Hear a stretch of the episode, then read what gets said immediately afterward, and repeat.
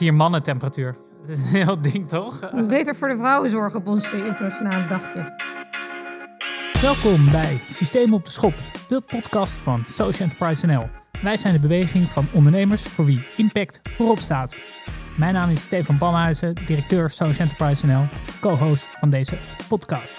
We zitten hier weer in het mooie Amsterdam-Noord in de podcastwerkplaats van de Tolhuistuin. En vandaag de gast niemand minder dan Tine de Moor. Zij is Professor of Social Enterprise and Institutions for Collective Action aan de Rotterdam School of Management. Welkom, Tine. Dankjewel. En ook Willemijn is weer te gast. Fijn er te zijn, Stefan. Mooi, fijn dat jullie alle, allebei zijn. Hey Tine, ja, we beginnen deze podcast eigenlijk altijd met een vaste rubriek van... Nou, wat heb jij nou in je, in je persoonlijke leven gedaan de laatste tijd waarvan je dacht... Ja, dat kan eigenlijk niet door de, door de impactbeugel. Nou, op zich ben ik eh, best wel hard in de leer, zeg maar. Maar eh, ik heb een hobby die ehm, iets te veel energie vreet. Van mezelf, maar ook van gewoon het energienet. Ehm, af en toe zit ik diep met de handen in de klei. En dan eh, komen er Letterlijk. allerlei... Ja, letterlijk. En dan komen er allerlei draaisels uit. Maar die dingen moeten ook gebakken worden. En dan telkens als ik die oven aanschakel, dan denk ik toch van... Ja, hmm, dit is een beetje veel energie. Maar ja, ja wat er dan weer uitkomt, is dan weer... toch wel weer bevredigend. Dus Wat voor, wat, wat voor mooie dingen maak je zo Oh, van al? alles, van alles. Gewoon dingen om weg te geven. Dus eh, Kijk. Willemijn, jij nog iets gedaan wat, eh, Nou wat ja, eigenlijk niet ik door heb de altijd impactbeugel wel kan? iets gedaan wat niet door de impactbeugel kan, helaas. Maar ehm, eh, ik denk afgelopen week, ik probeer heel erg veel te wandelen en ook bij lokale ondernemers eh, dingen te af te halen. Ik had een verjaardag, en, ehm, maar mijn lokale boekwinkel had het niet. En eh, toen moest ik heel ver lopen. Toen duurde het te lang. En toen heb ik het toch eh, bij een grote online eh, bezorgdienst besteld. En dan voel ik me daar toch wel schuldig over, maar dat is wel heel makkelijk. Ja, af en toe, af en toe kan het toch niet anders. Als ik mezelf kijk, ehm, ja, misschien een klein ding, maar ik zag de laatste tijd wat in onze, in onze koelkast wat ja, flessen spa rood. Van die grote plastic flessen met water met bubbeltjes. Dan dacht ik, ja, dat, dat is toch eigenlijk ook niet meer van deze tijd. Water in, eh, in grote plastic flessen. Ik lever natuurlijk wel netjes in bij, eh, voor statiegeld, maar... eh, nou, jullie hebben tenminste statiegeld hier. Goed geregeld.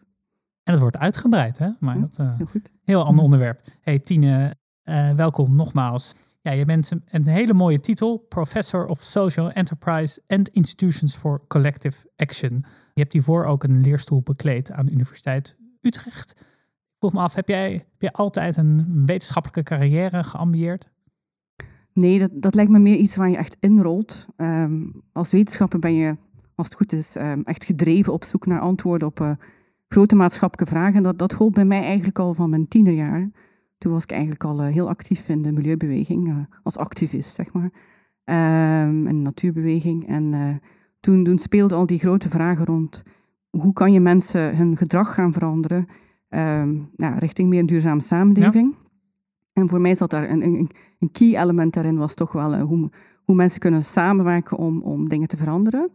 En dat heeft mij dan eigenlijk ook wel eh, ja, geboeid tijdens mijn opleiding geschiedenis en daarna heb ik milieukunde gestudeerd.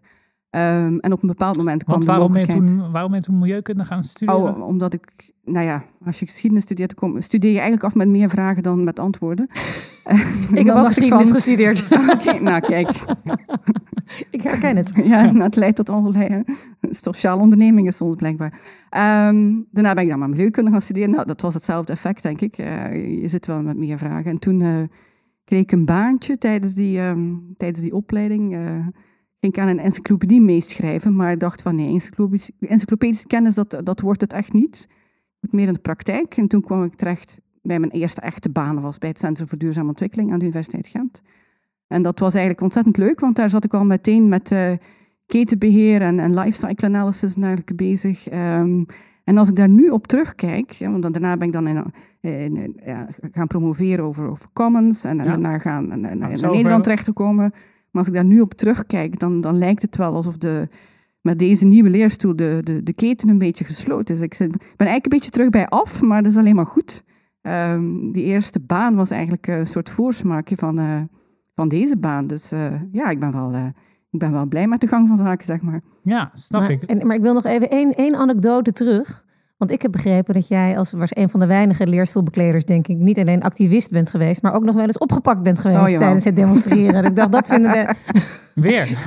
Daar hadden we er laatst ook een Ja. van. Maar dat, dat verhaal willen we graag nog even horen. Oh, dat, ja, nou ja, ik heb aan allerlei eh, milieuacties eh, deelgenomen. Ik herinner me nog heel goed die eh, tegen de kernproeven in Mururoa, onder andere. Dat is al best wel een tijd geleden. Ja. Maar goed, eh we deden ook allerlei andere ongehoorde dingen, denk ik, achteraf gezien. eh, zoals stickertjes eh, op PVC-artikelen gaan plakken in supermarkten. Eh, want dat vonden we ongehoord. Ehm, ja, en dan, dan eh, kom je de politie van eens tegen. Ja, dat gebeurt wel.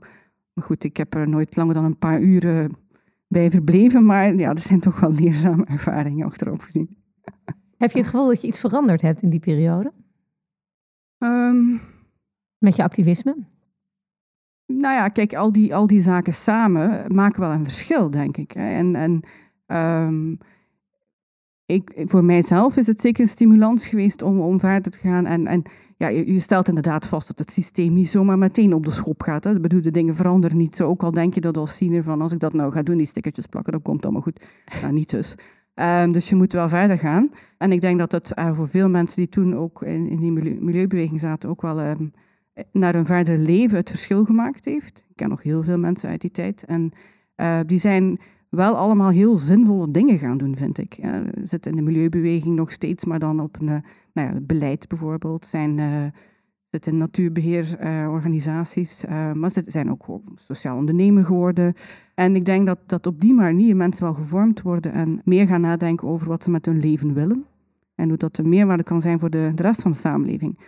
En misschien maak je op dat moment, wanneer je die stickertjes plakt, wel iemand anders wakker. Maar zal Nou, misschien ja. beperkt zijn op dat moment. Hoe achterhaal je dat, hè? Hey, en ehm, jouw, eh, jouw proefschrift eh, uit 2003 heeft de prachtige titel Tot profijt van de gemeenzaamheid. Kan je voor de luisteraars kort en krachtig uitleggen waar dat over ging? Dat is een, eh, mijn proefschrift was een historisch proefschrift over de ontwikkeling van zogenaamde commons of gemene gronden ehm, in Vlaanderen. Waarbij ik op een aantal casussen gefocust heb, onder andere vlakbij Brugge. Ligt er zo een, nog eentje met een hele lange eh, voorgeschiedenis. Nu, wat ik eigenlijk onderzocht heb, is of het verhaal van de Tragedy of the Commons eigenlijk klopt. Ja. Waarbij gesteld wordt van, kijk, mensen kunnen onmogelijk samen natuurlijke rijkdommen beheren, want dat gaat per definitie fout. Iedereen doet maar zijn eigen egoïstische eh, dingetje en uiteindelijk krijg je een tragedie. En uit dat historisch onderzoek, dat toch twee eeuwen besloeg, 18e en 19e eeuw, daar zie je heel duidelijk dat het eigenlijk perfect mogelijk is om de, de natuurlijke rijkdommen niet te overgebruiken, ook als je dat in groep gaat doen. En dat is, eh, nou ja, vond ik wel belangrijk om ehm, dat dan ook te koppelen aan, aan hedendaagse ontwikkelingen. En het verhaal bijvoorbeeld van Eleanor Ostrom. ehm, zij heeft het dan in andere contexten onderzocht. Dus de Tragedy of the Commons bestaat niet. Ik denk dat die eh, flink overroep is, ja. Ik denk dat daar... eh, nou ja, het, het artikel op zich uit 1968 klopt eigenlijk niet, want de voorbeelden die gegeven worden zijn eh, imaginair. Ehm, maar ehm, in de praktijk blijkt dat het best wel meevalt met het, eh, wanneer burgers samen eh, goederen en diensten gaan maken en delen. Dat ze daar eigenlijk op een hele ehm, zuinige manier mee om kunnen gaan. Interessant. Ik zou echt zo graag willen weten wat jij nu je allermooiste voorbeeld vindt van een, een, een, van commons, zeg maar. Waar je nu er een ziet, waar die vandaag de dag, waarvan je denkt, dat is voor mij nou het schoolvoorbeeld van wat ik eronder versta. Ja, nou ja, de, de term wordt vandaag heel veel gebruikt. Hè? En wordt vandaag ook een beetje opgerokken in die zin dat iedereen wel een common wil oprichten. Maar ik denk dat er eigenlijk tig voorbeelden te vinden zijn in Nederland van wat we eigenlijk beter burgercollectieven kunnen noemen. Want die commons, ja, dat, in, in mijn visie zit daar toch een, eh, een, nou ja, zou je dat eigenlijk meer in de natural resource groep eh, eh, richting stoppen. Meer mensen die met natuurlijke rijkdombeheer bezig zijn. Maar eigenlijk zijn ook daar op dat vlak in Nederland hele mooie voorbeelden. Ik denk bijvoorbeeld aan de Heideboer, zo'n project waarbij aan natuurbeheer gedaan wordt met hele groep, nou, groepen burgers en, en andere stakeholders erbij, in combinatie met soms landbouw. Maar je hebt ook andere, je hebt een enorme rijkdom momenteel, zowel op vlak van voeding. De Heerboer is nog zo'n mooi voorbeeld. En zelf ook spoederij, heel netwerk inmiddels in Nederland. Maar je hebt het ook in de zorg. Je hebt eh, tal van zorgcoöperaties, je hebt energiecoöperaties. Dus je, jij gaat eigenlijk niet kiezen. Ik ga niet kiezen. Ik wil je nee. Favoriete oneer referentie aandoen. niet, nee. Oneer aandoen aan al die eh, actieve burgers die de term commons graag gebruiken, soms een beetje overstretched, maar wel altijd met de beste bedoelingen, denk ik. Wat vind je eigenlijk zo interessant aan die beweging van, van burgercollectief? Uh, waarom is dat het onderzoeken waard? Het is het onderzoeken waard omdat het uh, eigenlijk nog vrij experimenteel gebeurt in, in, in op veel plekken. Um, en wij kijken met mijn onderzoeksgroep kijken we vooral naar wat zo'n initiatief veerkrachtig maakt. Wat ze doet doorleven in de lange, op de lange termijn. dus niet in de, nou ja, de start-up fase en klaar. Nee, echt tientallen jaren. We hebben ook materialen om daar eigenlijk echt op de lange termijn onderzoek naar te doen. En veel van die commons waar ik mijn proefschrift over deed, die bestonden voor honderden jaren. Dus ik kan daar echt eh, heel veel interessante inzichten uit halen. Maar wat ze echt interessant maakt, is dat ze eigenlijk het hele institutionele spectrum dat we vandaag kennen, van een oplossing via de overheid of via de markt, dat daar eigenlijk heel veel variatie tussen zit en dat zij daarmee experimenteren. Ze gaan zoeken naar hoe je nou ja, eh, vaak een combinatie kan bieden van publieke dienstverlening in combinatie met voorzien van bijvoorbeeld energie voor jezelf. Er zijn energiecoöperaties bijvoorbeeld in Nederland die investeren in andere gemeenschapsdoelen binnen de eh, lokale gemeenschap.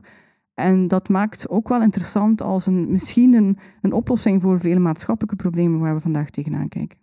Heb je het gevoel dat, dat deze beweging genoeg wordt gezien? En dan is ook de, de vraag door wie, maar bijvoorbeeld door beleidsmakers? Vaak niet. Hè? Vaak ligt dat ook wel een beetje aan die initiatieven zelf, um, omdat ze heel erg bezig zijn met hun eigen probleem. Nu, wat je wel ziet de Hoe laatste jaar... Nou ja, kijk, een energiecoöperatie zit vol met, met burgers die duurzame energie willen. En vooral die duurzame energie willen en daarmee bezig zijn en, en nou ja, geen zin hebben in al dat lobbywerk of wat dan ook. Maar wat je wel ziet de laatste jaar, dat is wel bijzonder.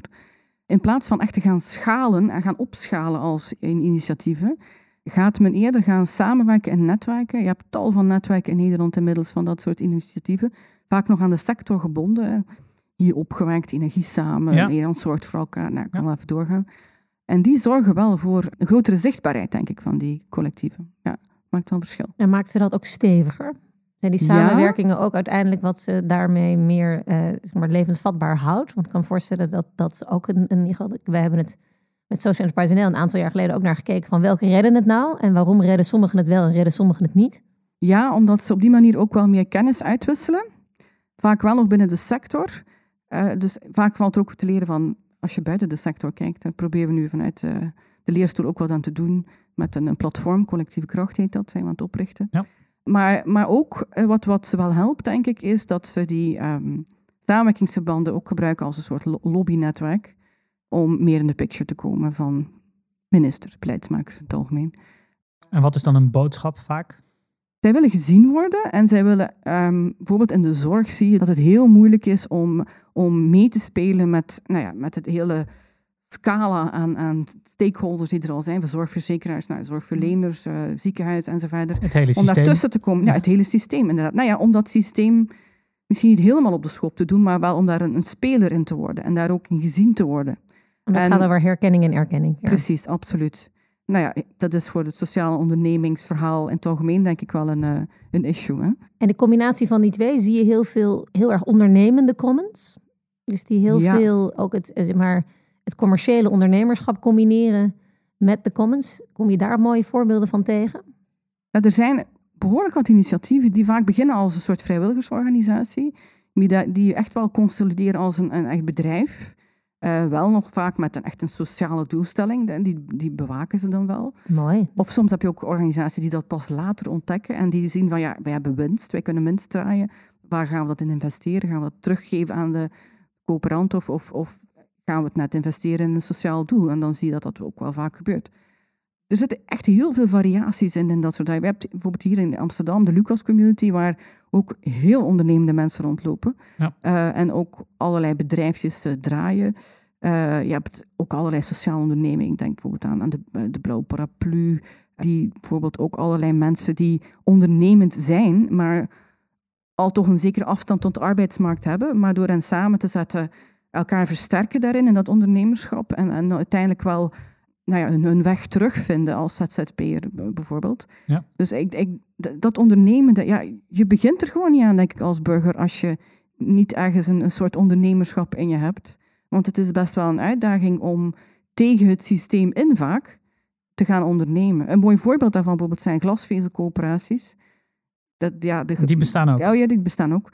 Dat is zo'n sector die, die vaak niet, eh, niet gezien wordt. Maar die gaan vaak echt tegen zowel beleid als markt. En gaan een, zeker in gebieden waar iets minder eh, dicht bevolkt is en waar het vaak moeilijker is om een marktpartij geïnteresseerd te krijgen, gaan zij als eerste de spade in de grond steken, zeg maar, letterlijk vaak. En uiteindelijk wakkeren ze eigenlijk de, de, uh, maken ze de, de, de, reguliere markt wakker. En die ziet dan ook soms van, hè, van oh god, eigenlijk hadden we dit beter toch maar zelf gedaan.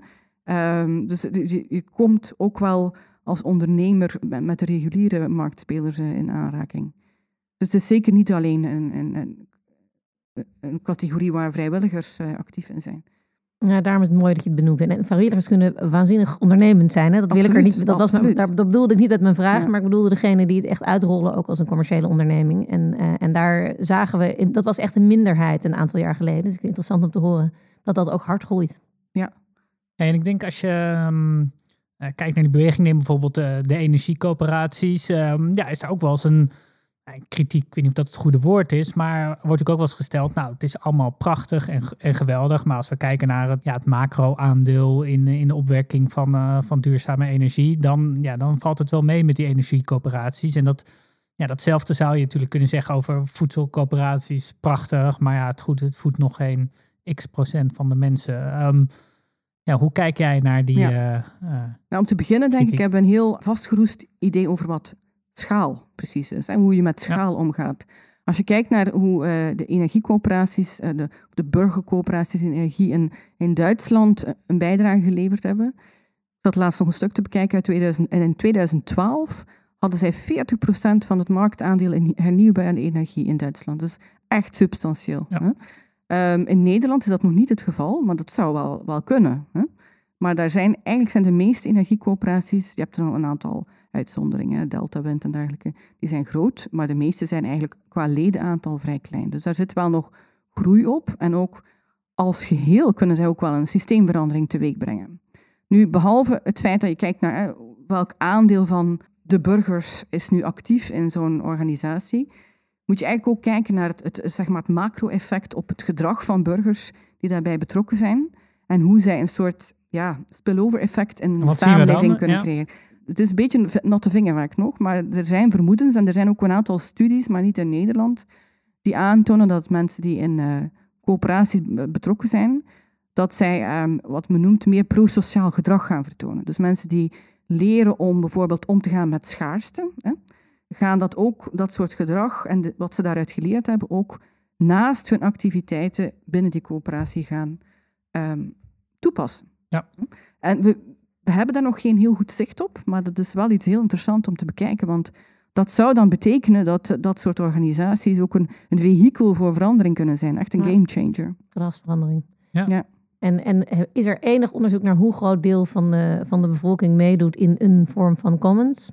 Per sector zijn daar wel, ideeën, zijn daar wel richtlijnen over. Hè. Bijvoorbeeld, er is net een recent onderzoek van onder andere Movisie uitgekomen, waaruit blijkt dat er een vijftienhonderdtal wat men noemt zorgzame gemeenschappen zijn in Nederland. En dat zijn een vorm van samenwerking tussen burgers rond thema's als zorg en wonen.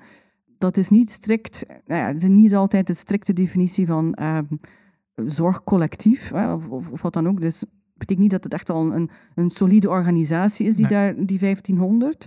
Maar ja, goed, bij elk van die 1500 zijn dan een groot aantal uh, leden betrokken. Uh, die, die, die betekenen dan wel dat voor de samenleving. Hetzelfde zie je bijvoorbeeld de broodfonds, is ook zo'n ontwikkeling van de laatste, laatste ja. decennium eigenlijk.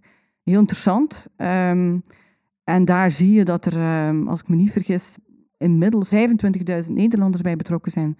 600 broodfondsen in Nederland, zoiets ongeveer. Dat is voor het grotere geheel niet zo waanzinnig veel.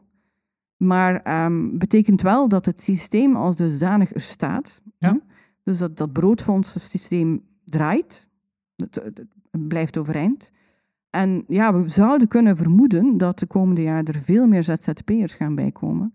Gezien de economische omstandigheden. Ja. Of wat op ons afkomt tenminste. Dus mogelijk heeft dat in, om die reden nog wel een. Uh, ja, dan wordt het opeens toekomst. normaal om je bij een broodfonds aan te sluiten, ja. bijvoorbeeld. Ja. ja. het is al best goed bekend. Ja. Hey, en hoe kijk je naar het, naar het, eigenlijk het samenspel tussen Nou, die coöperatieven, neem de, neem de zorgcoöperaties of, of de energiecoöperaties. Ja, en eigenlijk de, de grote institutionele partijen waarvoor ze een alternatief bieden. Dus traditionele grote zorginstellingen of welzijnsinstellingen. Zie je daar een soort van samenwerking tussen? Of wederzijdse beïnvloeding? Of, of leven ze juist, hè, zetten ze zich tegen elkaar af? Uh, leven ze langs elkaar heen? Kunnen we, kan je daar iets over zeggen? Er zijn initiatieven waarbij bijvoorbeeld in de zorg uh, samengewerkt wordt met ja, grotere zorgverzekeraars en denk niet altijd zonder de nodige nou ja, hobbels op de weg. Um, maar het gebeurt, maar, het is zeker nog niet zo dat het um, al een, een, een doorwinterde praktijk is. Hè.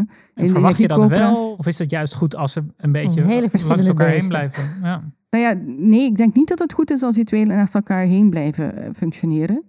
Voor geen van beide partijen eigenlijk. Hè. Ja. En je ziet wel dat er een soort, uh, zowel bij, bij andere commerciële partijen als bij overheden ook, een, een grotere ja, awareness is, zeg maar. Een grotere besef dat, het, uh, dat dit een grootste ontwikkeling is. Um, die vermoedelijk met deze hele pandemie waar we in zitten ook nog wel een, uh, een versnelling zal doormaken. Ja, ik denk ook dat deze pandemie ervoor gezorgd heeft dat we met z'n allen ook anders over solidariteit. We zijn ten eerste gaan, we moeten er wel over nadenken. Het komt heel dicht plots.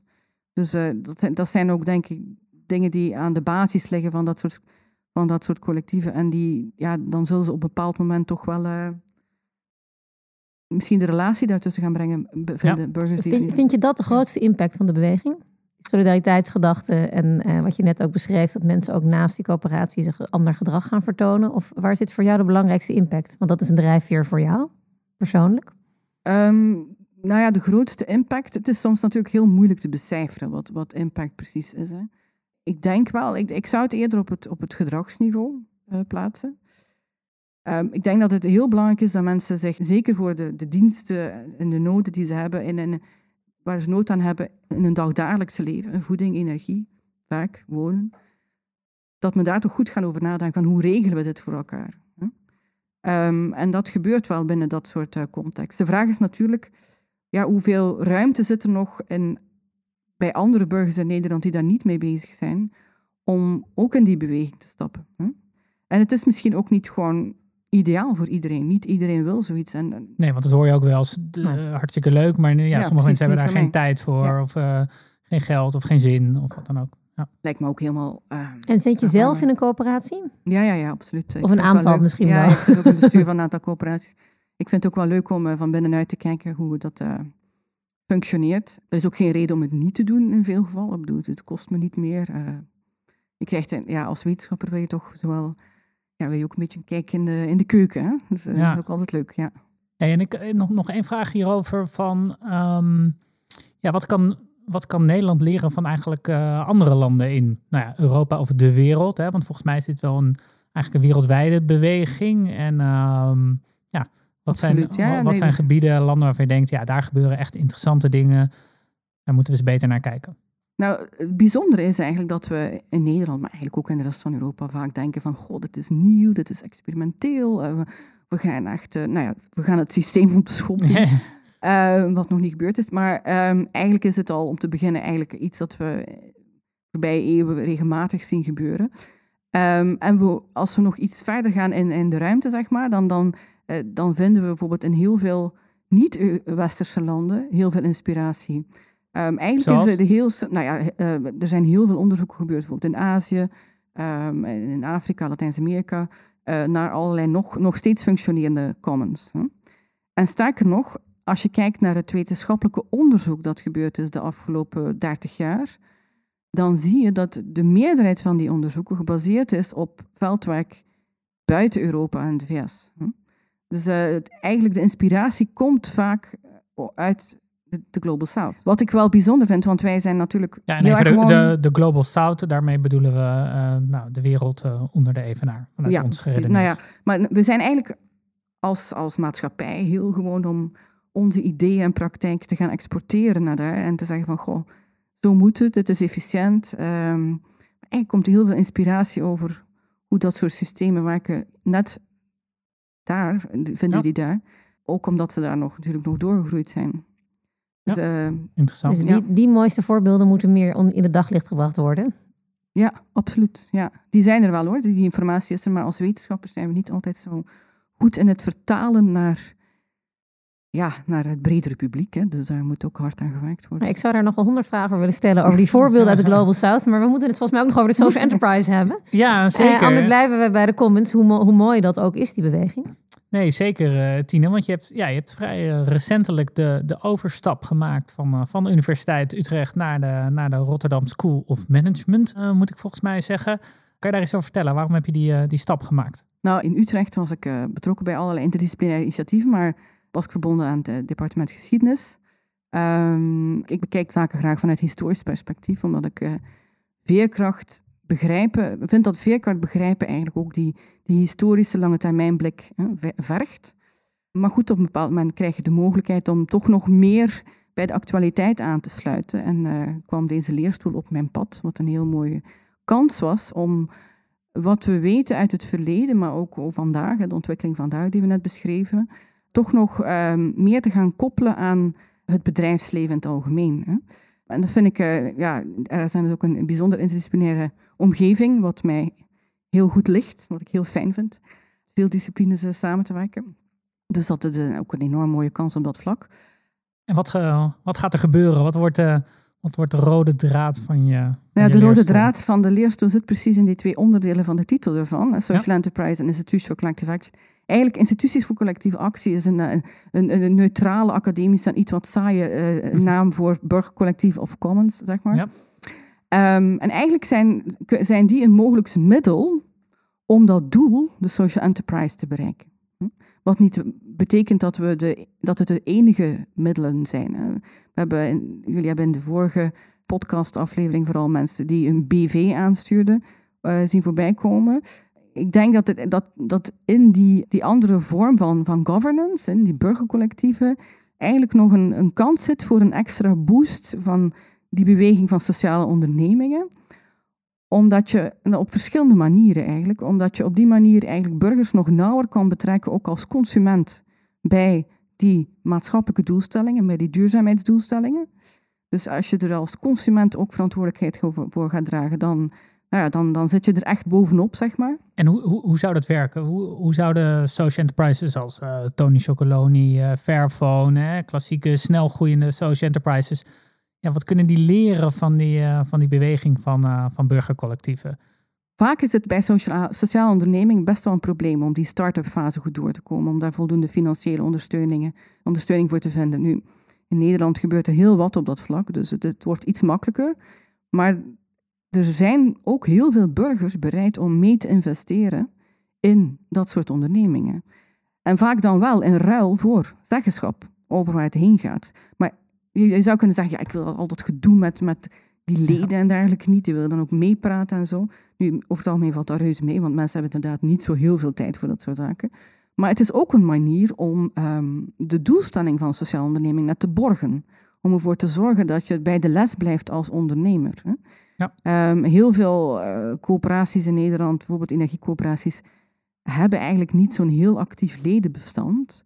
Maar de leden die ze hebben, zitten er wel in, omdat ze precies duurzame energie willen. Door het stopcontact. Ja. Een soort, ja. soort consumentenraad voor, Precies, uh, ja. voor Fairphone of zo. Of, Ja, uh, nee, want ik begrijp je, je de, en ik geloof ook dat het borgen van de, juist degene voor wie je de impact wil maken als sociaal ondernemer heel belangrijk is om dat te vinden. Maar in het coöperatieve model en, uh, is inderdaad de inspraak. Je zegt, ja, er wordt niet altijd gebruik van gemaakt. Maar er wordt meestal gebruik van gemaakt op momenten dat het moeilijk is. Ja. En dat zijn de ondernemers ook bang voor. Want die willen flexibiliteit. Die zeggen, als het moeilijk gaat, moeten we snel kunnen bewegen. Want anders liggen we om. Dus ik begrijp die angst van de ondernemer ook wel. Uh, met het gevoel dat je het omheen een hele grote doelgroep van gelijkgestemden om je heen hebt. Maar die ook allemaal inspraak hebben. Dus ik begrijp wel waar dat ook kan wringen in het opbouwen van een uh, sociale onderneming. Ja, maar ik denk dat het voor een deel ook verklaart waarom je bijvoorbeeld die coöperaties vooral ontstaan in, in, in domeinen waar het gaat over echt hele basale dagdagelijkse noden, energie, wonen, zorg. Ja. Hè? Ja. Um, terwijl een Tony Chocoloni, ja, ik vind chocolade ook een, een, een hele belangrijke Eerste dagdagelijkse, absoluut, absoluut. Um, dus nou ja, daar valt iets voor te zeggen om daar een coöperatie van te maken. Maar nee, um, ik snap ook wel dat, het, dat ondernemers ze willen snel vooruit. En dan, dan heb je daar geen zin of geen tijd of, of nou ja, geen ruimte voor om dat te gaan ondernemen. Uh, en, en het hoeft ook het is ook maar één van de modellen om, om een, tot een sociale onderneming maar het is eentje die jij gaat onderzoeken? Ja, maar ook met de nodige kritische blik, want het is ook niet altijd de ideale oplossing. Hè? Rostrom, de, de Nobelprijswinnaar economie destijds in 2009, die heel sterk rond commons werkte, riep bijna bij elke lezing van, het is not a panacea, het werkt niet voor alles. Nee. En dat, dat is ook zo. Dus daar moeten we ook wel een, een kritische blik voor blijven hebben. Maar je moet tegelijkertijd je ook niet afsluiten voor de mogelijkheden die het biedt, denk ik. Nee, en er zijn natuurlijk ook een heleboel hele grote coöperaties in Nederland, die grote corporates zijn, waar de leden eigenlijk geen bal te zeggen hebben. Dus het is ook niet, niet, het is niet vanzelfsprekend dat een coöperatief model ook werkelijk die inspraak garandeert. Ja, die zijn daar ook in die richting in geëvolueerd natuurlijk. En wat je ook wel ziet, dat is toch wel bijzonder, dat die grote corporates eh, de laatste jaren wel opnieuw oog krijgen voor die, die van, de, van onderop beweging. En ehm, daar ook wel voor een deel uh, zelf door gaan reflecteren over hoe ze zelf hun coöperatie inrichten. Dus dat is ook wel een, bijzondere evolutie eigenlijk. Mee eens, maar de inspraak is er nog niet. In sommige bedrijven wel, in andere weer niet. Nee.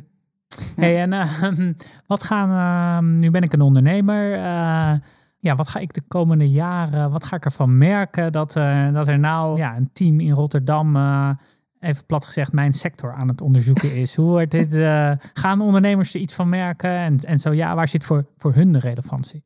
Nou, ik hoop het wel natuurlijk. Um, wij zijn sowieso wel er erg op gericht om de kennis die we bij elkaar brengen, of die we creëren, zeg maar, um, ook naar buiten te brengen. Dus dat is sowieso de doelstelling. Dat zit zeg maar in het DNA van, uh, van onze groep. Vind ik ook wel echt onze plicht eigenlijk als uh, ontvangers van belastingsgeld om daar mooie dingen mee te onderzoeken. Dus ik denk wel dat ze het gaan maken, doordat we ook wel met, met, echt, met de huidige ontwikkelingen die er zijn aan de slag gaan. Hè. Bijvoorbeeld, we hebben een, wat staat er allemaal op jullie? Nou ja, er staat van alles, wil ik net zeggen. Ja. Er staat, nou, binnenkort begint er een, een, een, een, iemand aan een proefschrift, waarbij we de relatie tussen uh, zeg maar de verschillende vormen van governance um, gaan bekijken in, uh, tot hoe je verschillende vormen van financiering kan aantrekken. Dan komen die zaken die we net bespraken ook aan bod. En dan zullen we, nog, zullen we nog bekijken welke sector we precies gaan bestuderen. Maar het is wel de bedoeling dat je dan echt ehm, ja, de huidige sector gaat bevragen. En dat we ook met allerlei instrumenten komen om dat terug te geven aan de samenleving, aan het specifieke sector. En dat kan eigenlijk op heel veel verschillende manieren. Wij, wij, we zijn nu soms al uh, nou, heel actief met bepaalde organisaties bezig om. Ik zou het geen advies willen noemen, want het zijn geen consultants, maar uh, wel meedenken over uh, hun evolutie worden natuurlijk ook tal van lezingen gegeven en we werken ook aan een, een opleiding. Nee, er is, er is van alles, staat van alles op stapel. Spannend, spannend. Ik denk dat, dat ondernemers het goed gaan volgen. Ja, we hebben het al een paar keer gehad over ja, veel ondernemers opereren vanuit een BV. Jij vindt het interessant om te kijken wat kunnen ze van die, van die coöperatieve gedachten leren. Ja, hoe kijk je dan naar de nou recente ontwikkelingen rondom de BVM? Eigenlijk BVM met maatschappelijke status, waar vanuit Social Enterprise natuurlijk voor voor pleiten. Maar uh, ja, hoe kijk jij daar door jouw bril naar? Het is enerzijds wel een, een hele interessante, uh, omdat het wel een soort um, zichtbaarheid geeft aan de sociale onderneming. Hè. Nou ja, we hebben natuurlijk allerlei andere instrumenten daar ook voor, internationaal, B Corp en dergelijke. Maar anderzijds is het, is het misschien toch wel een hele enge definiëring als je, het alleen, maar, eh, als je alleen maar de BV daarin uh, opneemt. Hè. Ja. er zijn andere landen, België bijvoorbeeld, waarbij de sociale onderneming zelfs een onderdeel is van eigenlijk valt onder de coöperatieve wetgeving, hè, waar eigenlijk een sociale onderneming vrijwel per definitie als een coöperatie ingericht wordt. Dat is dan weer het andere, andere uiterste waarbij de BV eigenlijk geen plek krijgt. Dus het is een, uh, ik denk dat, het, dat de gulden middenweg zou ergens in, nou ja, in het midden liggen. Dus het zou wel, wel goed zijn, denk ik, als je meer opties krijgt om een sociale onderneming vorm te geven. Nou, en ik, ik denk dat persoonlijk ook hoor. Dat we, kijk, de BVM, daar is nu momentum uh, voor en daar, daar moeten we op door. Maar ja, interessante volgende stap zou natuurlijk zijn, ja, moet er ook een coöperatie M komen. Dat je, je als coöperatie echt je maatschappelijke doel ja, bij de BVM krijg je het gevoel dat de BV de bedoeling is. Maar nee, de sociale onderneming is de bedoeling. Hè. daar gaat het om. Ja, maar de M is, is belangrijker. De M is belangrijker, want ik vind zoals in, in Zuid-Europa en ook in Frankrijk bijvoorbeeld iedere coöperatie dan eigenlijk een M krijgt. Omdat ze dan zeggen coöperatie is, bij, is, wordt gezien als, wat je net ook over België uitlegt, dat wordt gezien als de sociale vorm. Terwijl er heel veel coöperaties zijn die dat niet zijn in mijn beleving. Dus ik vind dat ook een aanvliegroute die mij niet heel erg aanspreekt. Nee, dat is eigenlijk niet het geval. Uh, bijvoorbeeld, je kan ook prima een coöperatie hebben zonder die M. Hè. Ehm, je hebt verschillende types coöperatie en de sociale onderneming kan er één van zijn, bijvoorbeeld in België. In Italië is het net hetzelfde. Hè. Dus je kan ook een coöperatie zonder in principe sociale doelen oprichten. Nu, als we teruggaan naar de geschiedenis van de coöperatie, dan zie je dat er eigenlijk van in het begin, nou ja, 19e eeuw, besloten werd om bepaalde principes daaraan te koppelen. Die precies ook eigenlijk ja, overeenstemmen. Niet helemaal met wat we nu een sociale onderneming zouden doen, noemen, maar bijvoorbeeld zorg voor de community waarin je uh, bedrijf zit, is daar één van. Hè? Dus in die zin zou je kunnen zeggen van oké, al van in het, in het, begin van het bestaan van die coöperatie was dat de bedoeling. Ehm, maar niet elke coöperatie huldigt natuurlijk al die principes. Daar zit het eigenlijk. Hè. Je hebt de principes en je hebt de uitvoering ervan. Dat sluit niet altijd één op één aan. Even nog een, een ander onderwerp waar ik benieuwd ben naar jouw uh, nou, visie of, of inzichten. We zitten natuurlijk midden in een, uh, nou, in een coronacrisis die, die heel zwaar is voor, voor alle ondernemers. Zo ook de, de sociaal ondernemers. Nou, wij proberen daar een beetje vinger aan de pols te houden middels, uh, middels de Social Enterprise Monitor. Ja, het, het lijkt erop dat en dan moet ik me heel voorzichtig uitdrukken, maar dat, dat de schade mee lijkt te vallen, plat gezegd. Ja, zie jij dat ook? En als dat zo zou zijn, hoe zou je dat verklaren? Of, of hoe kunnen we dit beter onderzoeken natuurlijk? Dat is misschien gewoon nog een beetje te vroeg om het echt goed te kunnen onderzoeken. Want hiervoor moeten we, nou ja, terugkijken ook voor een deel. Uh, en zien welke factoren er een impact gehad hebben op uh, de ontwikkeling van die sociale onderneming. Ik denk sowieso dat de hele ja, economie toch wel door allerlei ontwikkelingen zal gaan de komende jaren. En ik hoop dat de, dat de, nou ja, dat de, zeg maar de economische terugval eh, niet, geen al te grote impact zal hebben op die sociale onderneming. Dat mensen wel degelijk nog oog daarvoor hebben. Ik, ik, maak me eigenlijk wel een beetje zorgen over de toekomst op dat vlak. Ja, Omdat het, nou ja, bijvoorbeeld, hè, je, je, je, stel dat je gaat mee investeren via crowdfunding of via een coöperatie of wat. Hoeveel ruimte zullen mensen nog hebben daarvoor? Vermoedelijk uh, grote middenklasse nog wel, maar ehm, dan blijft het wel een heel exclusief verhaal. Maar je spreekt nu in algemene zin, dan heb je het echt over de social enterprise. In algemene zin denk ik dat, het, dat we wel een paar klappen te verwerken zullen krijgen.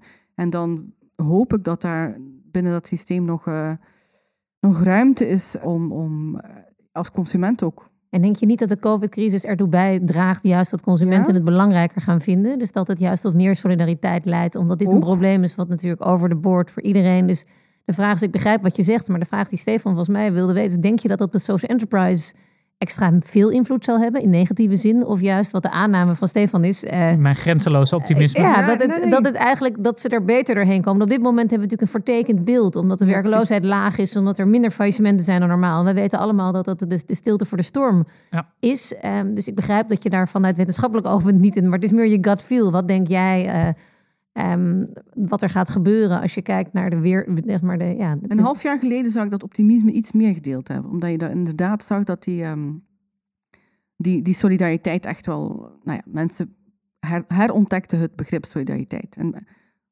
zagen heel goed, ik denk dat dat misschien het duidelijkst geworden is met, die, met de pandemie. Want jouw gedrag als individu heeft een impact op de hele samenleving. En dat noemen we in de wetenschap een sociaal dilemma. De keuze tot je voor je eigen korte termijn belang of dat een lange termijn belang van, van het collectief, ja. van de samenleving. Dus ik denk dat heel veel mensen wel gesnapt hebben wat zo'n sociaal dilemma precies betekent. Ze hebben het aan de lijve ondervonden. Maar ja, het is natuurlijk wel een beetje veranderd doorheen die hele pandemie. En de bereidwilligheid om dat, dat individuele belang op te offeren lijkt toch een beetje kleiner geworden te zijn. Maar we zullen het zien hoe, de, hoe lang het nog gaat duren natuurlijk. Ja, ik denk dat de weerbaarheid van de sociaal ondernemer over het algemeen groot is. En dat is eigenlijk ook wat uit eerder onderzoek is gekomen natuurlijk. Dat ze het minder snel opgeven. Minder snel het beltje bij neer te leggen. Omdat het activisme eronder zit. Omdat dat mhm. uh, systeem wat ze willen omverduwen zo sterk. En dat is niet altijd verstandig dat ze langer doorzetten. Maar dat ze in alle onderzoeken laten zien dat ze minder snel uh, tot faillissement overgaan. En langer doortrekken. Omdat ze zo graag die verandering en willen doorzetten en daar ook weer mensen om zich heen weten te mobiliseren. Dat is eigenlijk wel nou, mijn... Dat laatste eh, is volgens mij, zou mijn tip aan, aan jullie onderzoeksgroep zijn. En denk ik interessant om te, te onderzoeken. Dus uh, zijn er financiers of overheden of klanten of medewerkers die een, die omdat ze die maatschappelijke missie zo belangrijk vinden, een stapje extra doen. Uh, een aardig voorbeeld dat we zagen is, de, is eigenlijk de huurbaas van, uh, van Happy Tosti in Amsterdam. Die zei, nee, ik, ik, ga de huur verlagen en hoe meer impact jullie maken, dus hoe meer mensen jullie uh, blijven aannemen of opnieuw gaan aannemen, hoe minder huur je gaat betalen. Die zegt eigenlijk, ik vind het heel belangrijk dat, mm -hmm. dat Happy Tosti blijft staan en ik ben daar bereid als nou, een hartstikke groot vastgoedfonds, maar om daar iets in te doen. En ik denk dat, ja, dat soort, um, hoe zeg je dat, partijen die om een sociale onderneming heen staan, de filantropiefondsen zijn daar gewoon een hele belangrijke. Ja, die zijn allemaal bereid een, uh, of lijken bereid, moet ik zeggen, een extra stapje te doen. Wij en, hopen uh, dus dat dit bewezen wordt door jouw leerschool. Je begrijpt het. Deze hypothese moet ontkracht of uh, bevestigd worden. Ja. We gaan het onderzoeken. Hartstikke goed, hartstikke goed, Tine. Dankjewel. Ja, we gaan, we gaan naar de afronding. Ik, ik zat wel nog, ik heb nog een, een vraagje. Ik zat door jouw, uh, jouw biografie natuurlijk te, te neuzen en mijn oog viel op het boek Vrouwen en de geboorte van het kapitalisme. Nou ja. kunnen we daar waarschijnlijk ook een podcast mee vullen. Maar ik zou toch wel, ik ben toch, het, ja, het wekt mijn nieuwsgierigheid. Wat, uh, waarom moet ik dat boek gaan lezen? Wat, uh, wat ga ik daarin uh, vinden? Ja, dat is wel een heel mooie vraag op de Internationale Vrouwendag natuurlijk. Precies, we hè? nemen ja. dit op op de Internationale Vrouwendag. nou, ik heb ook een, de afgelopen jaar een, een onderzoekslijn ontwikkeld um, rond de lange termijn ontwikkeling van vrouwelijke arbeidsmarktparticipatie. En nou ja, dat is inderdaad een podcast op zich, maar kort gezegd komt het erop neer dat eigenlijk vrouwen, al in, in, zeker in Noordwest-Europa, mede door de, uh, de, hoe de huishoudens ingericht waren in Noordwest-Europa, en, en eigenlijk een vrij hoge arbeidsmarktparticipatie gekend hebben altijd. En dat dat wel, wellicht wel een grote impact gehad heeft op, uh, ja, op, op onze samenleving, uh, maar dat het dus eigenlijk al vrij vroeg begint in geschiedenis. Maar goed, ik heb er nog een aantal boeken over geschreven, dus... Ik, uh, Voor een volgende podcast. Ik voel hem aankomen. Ik ga het zeker lezen en dan, uh, dan nodigen we je weer uit. Uh, hey, Tine, Tine, hartstikke bedankt. Ehm, ja, je weet, we, we sluiten deze podcast altijd af met een, met een vaste rubriek. ja, voor welke, voor welke social enterprise zou jij nou eens even lekker reclame willen maken? Nou, eentje die ik heel leuk vind, mede omdat ik zelf in een bestuur zit van een, een, een, een afvalverwerkingsbedrijf in, in Gent is uh, Rebottle. Dat is een, bedrijf in Utrecht dat zich bezighoudt met het recycleren van wijnflessen. Nou, ik heb de afgelopen jaren in de, de cijfers van het afvalbedrijf de hoeveelheden glas die opgehaald werden bij mensen thuis enorm zien groeien. Er zitten best veel wijnflessen daarbij, denk ik. Dus daar zit nog enorm potentieel om, om daar wat mee te gaan doen. En ja, ik, ik, ik, vind het wel een, een, leuk bedrijf dat ook echt heel erg op die op die basale zaken in de hele afvalcirculatie uh, inzet. Ja, Rebottle, mooi, mooi. Ja, gaat alle naar een website en uh, bestel hun mooie glazen. ja. ja, we hebben vandaag eigenlijk gezien dat er niet zoiets bestaat als de Strategy of the Commons. Maar dat we door goed samen te werken als, als mensen, als burgers, eigenlijk een hoger doel kunnen bereiken. Leuk om te weten, zoiets bestaat ook in podcastland, namelijk het podcastnetwerk, waarin podcastmakers met elkaar samenwerken. Nou, en wil jij nou bijvoorbeeld ook je eigen podcast maken en kijken hoe het netwerk daarbij kan helpen? Kijk dan even op www.podcastnetwerk.nl. Uh, Tine de Moor, nogmaals dank. Willemijn ook weer dank. Luisteraars, uh, dank voor het luisteren. Vergeet je niet te abonneren in je favoriete podcast-app. En dit was Systeem op de Schop. Tot de volgende aflevering.